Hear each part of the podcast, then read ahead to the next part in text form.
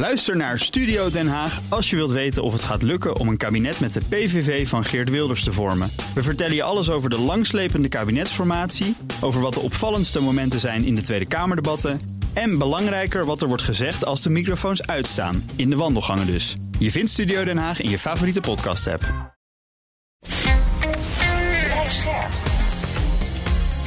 BNR Nieuwsradio. Boekenstein en de Wijk. Hugo Reitsma. Welkom bij Boekenstein en de Wijk. Het is donderdag, dag 624 van de oorlog in Oekraïne. Tijd weer voor jullie luisteraarsvragen. Te beginnen met uh, Werner Zorge. Die vraagt: Na de Rusland-Oekraïne-oorlog heeft Hamas de ruimte gevoeld omdat het Westen afgeleid was. Er wordt veel gesproken over Taiwan versus China. Maar welke regionale conflicten maken kans om verder nog op te laaien in de wereld? Hmm. Ja, dat is niet eenvoudig.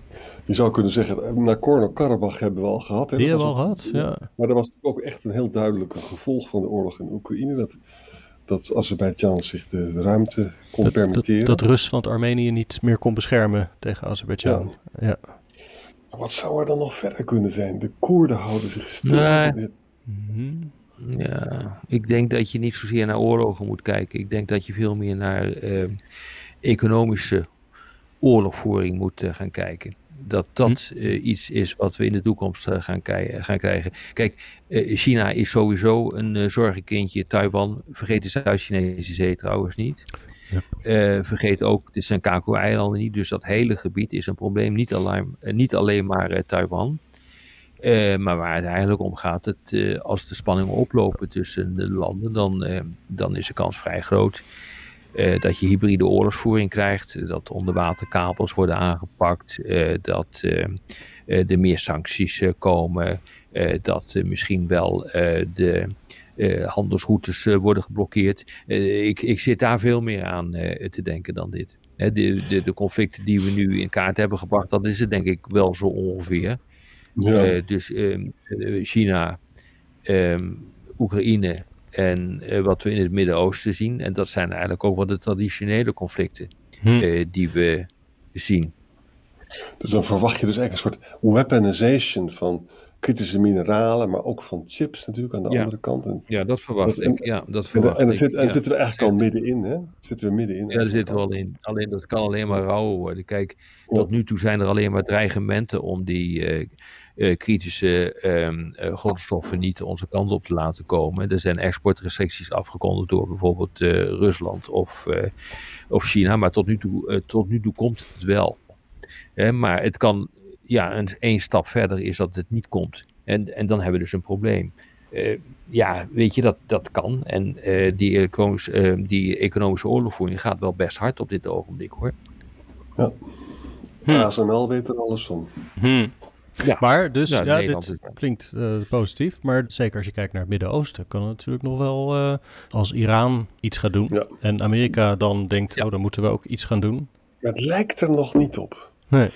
En, uh, maar goed. Ik, nee, alle partijen die lijken zich redelijk in te houden.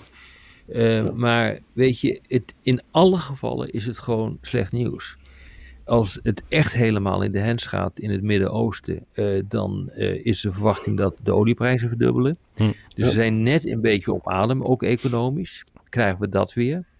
Uh, heb je problemen, grote problemen in de Zuid-Chinese Zee, dan worden de handelstromen door de Zuid-Chinese Zee uh, worden geblokkeerd als het een beetje tegen zit. Dat heeft enorme e uh, economische implicaties. Mm -hmm.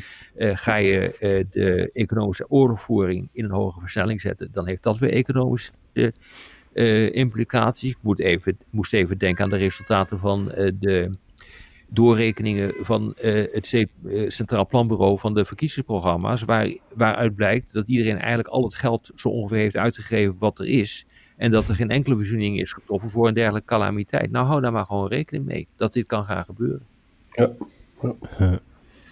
Nou, uh, uh, Forza Emir Dag, ons welbekende twitteraar, vraagt wat zou er gebeuren als China nu de beslissing zou nemen om Taiwan aan te vallen? Kan Amerika drie ballen hoog houden? Nou ja, ze zijn nog niet in oorlog uh, met, in, in het Midden-Oosten. Ze hebben wel schepen gestuurd.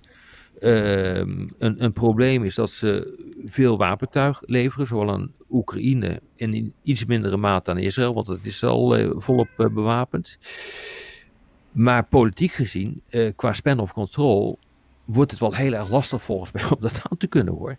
Ja. Ik bedoel, je moet het dus allemaal wel doen. Dan moet je dus je hele diplomatieke apparaat op, op inzetten. Ja, dan zul, je, dan zul je dus keuzes moeten gaan maken, denk ik. Ja.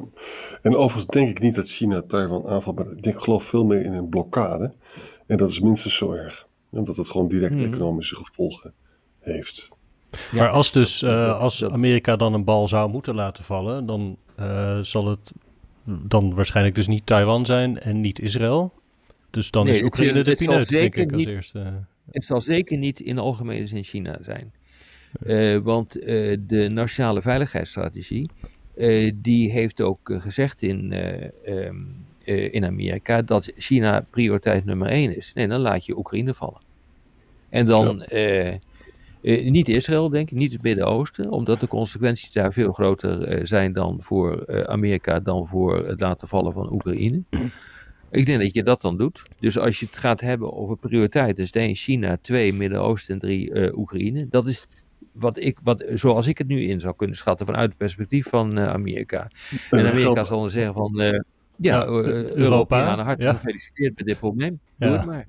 En het geldt a fortiori voor Trump. Ja, ja, dus ze zullen proberen die ballen in de lucht te houden, maar, het is, je, zal maar je zal maar minister van Buitenlandse Zaken zijn of Sullivan, de veiligheidsadviseur. Dat is toch niet te doen, drie van dit soort conflicten tegelijkertijd? Dat kan helemaal niet. Of president, dat gaat helemaal niet. Of niet als president. je 80 bent. Ja. Nou, ik had nog een wat langere, maar vond ik leuke en geïnspireerde vraag van ene Louis de Bruin. Die zegt: Wordt het niet eens tijd om een spin aan de afgelopen ontwikkelingen te geven die benadrukt wat het Westen niet allemaal gewonnen heeft? Poetin heeft een verdeelde EU nieuw leven ingeblazen. Oekraïne definitief in het westerse kamp gebracht. Een hersendode NAVO eh, tot leven gewekt en uitgebreid met Finland en Zweden. De beste Russische brains naar het westen gejaagd. Rusland sterk verzwakt.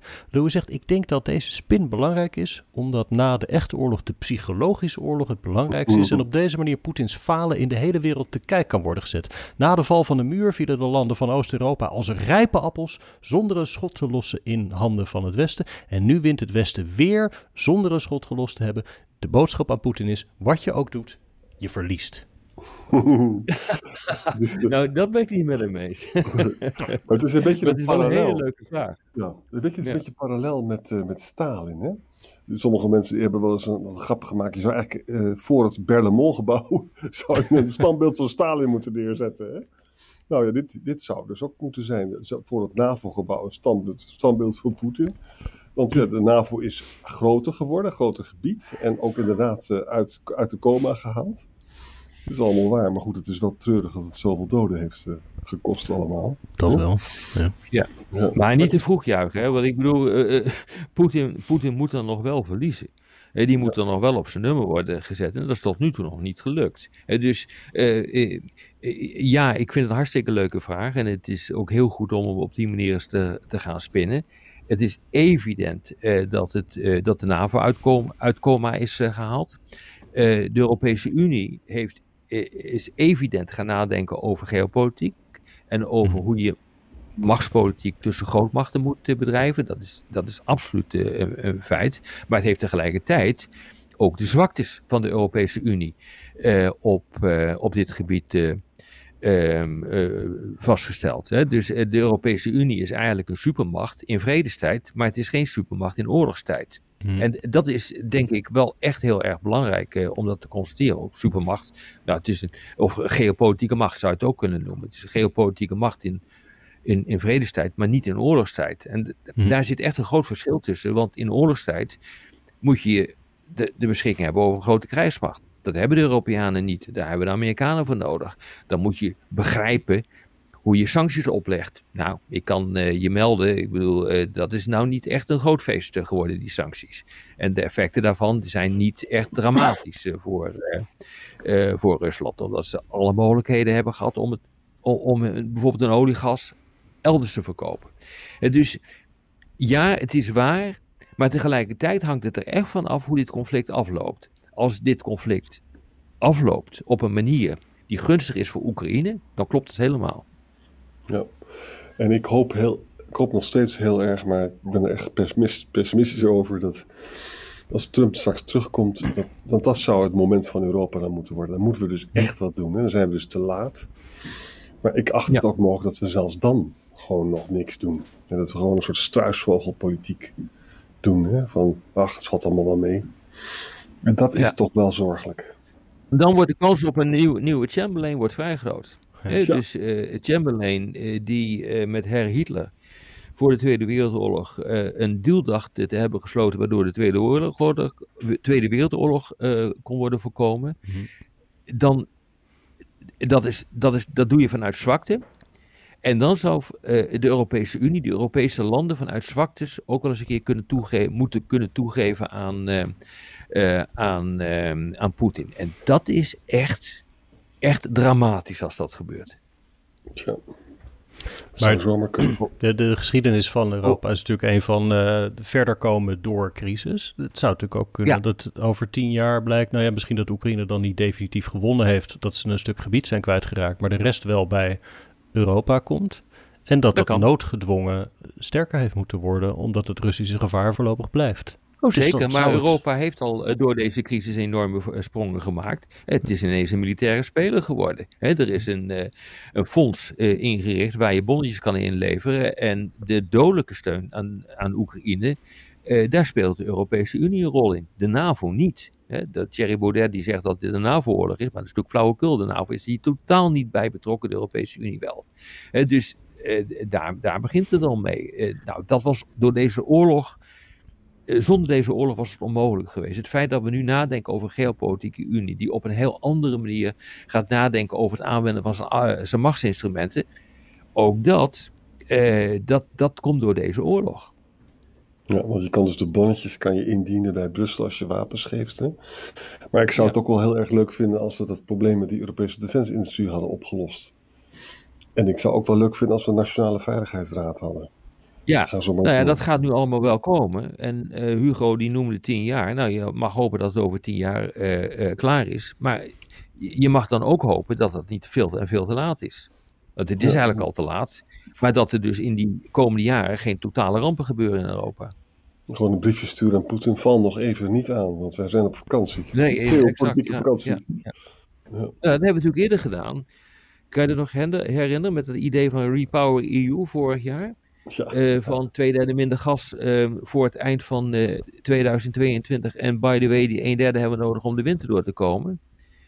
Ja, daarvan hebben we toen ook gezegd van dat is niet zo verstandig om dat op die manier te doen. Dat is toen ook gebeurd. dus dat was ook niet al te geopolitiek gedacht. Ja. Wat is nou het antwoord voor Louis eigenlijk?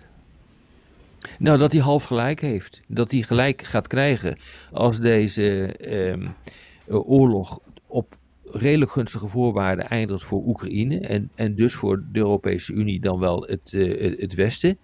Uh, en als dat niet het geval is, dan krijgt hij gewoon geen gelijk. En, maar hij heeft wel gelijk dat, uh, dat er als gevolg van deze oorlog een aantal stappen zijn gemaakt, die je eigenlijk best wel meer kan vieren dan dat je tot nu toe gedaan hebt. Daar heeft ja. hij absoluut gelijk in. Dit is ook een hele leuke vraag is het. Weet je wat ook nog kan? Kijk, Rusland gaat, als, hij, als het een frozen conflict wordt, dan gaat Rusland het zo spinnen van, nou, we hebben de mensen van de Donbass hebben we bevrijd. Hè? Geweldig, hè? En we praten niet meer over die aanval op Kiev. En het Westen gaat zeggen van, ja, Kiev hebben ze niet eens kunnen pakken. Ze hebben maar een klein stukje van de Donbass. En uh, dus wij hebben eigenlijk gewonnen. Zo gaat het misschien ook, hè?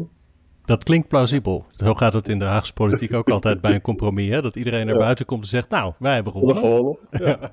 Oh, dat gaat ook gebeuren, ja. Als er een, eh, een, een bevoren conflict komt, dan eh, wordt er gewoon gezegd, dat hebben we toch maar mooi gedaan. Want als wij niet hadden geholpen, dan was heel Oekraïne verloren geweest. Ja, dat gaat gewoon gebeuren. Oké. Dank, mede namens Louis en de rest. En tot morgen. Tot morgen. Tot morgen. Ook Harm Edens vind je in de BNR-app. Je kunt BNR Duurzaam niet alleen live luisteren in de app, maar ook terugluisteren als podcast, zoals al onze podcasts. En naast dat de BNR-app Breaking News meldt, houden we je ook op de hoogte van het laatste zakelijke nieuws. Download nu de gratis BNR-app en blijf scherp.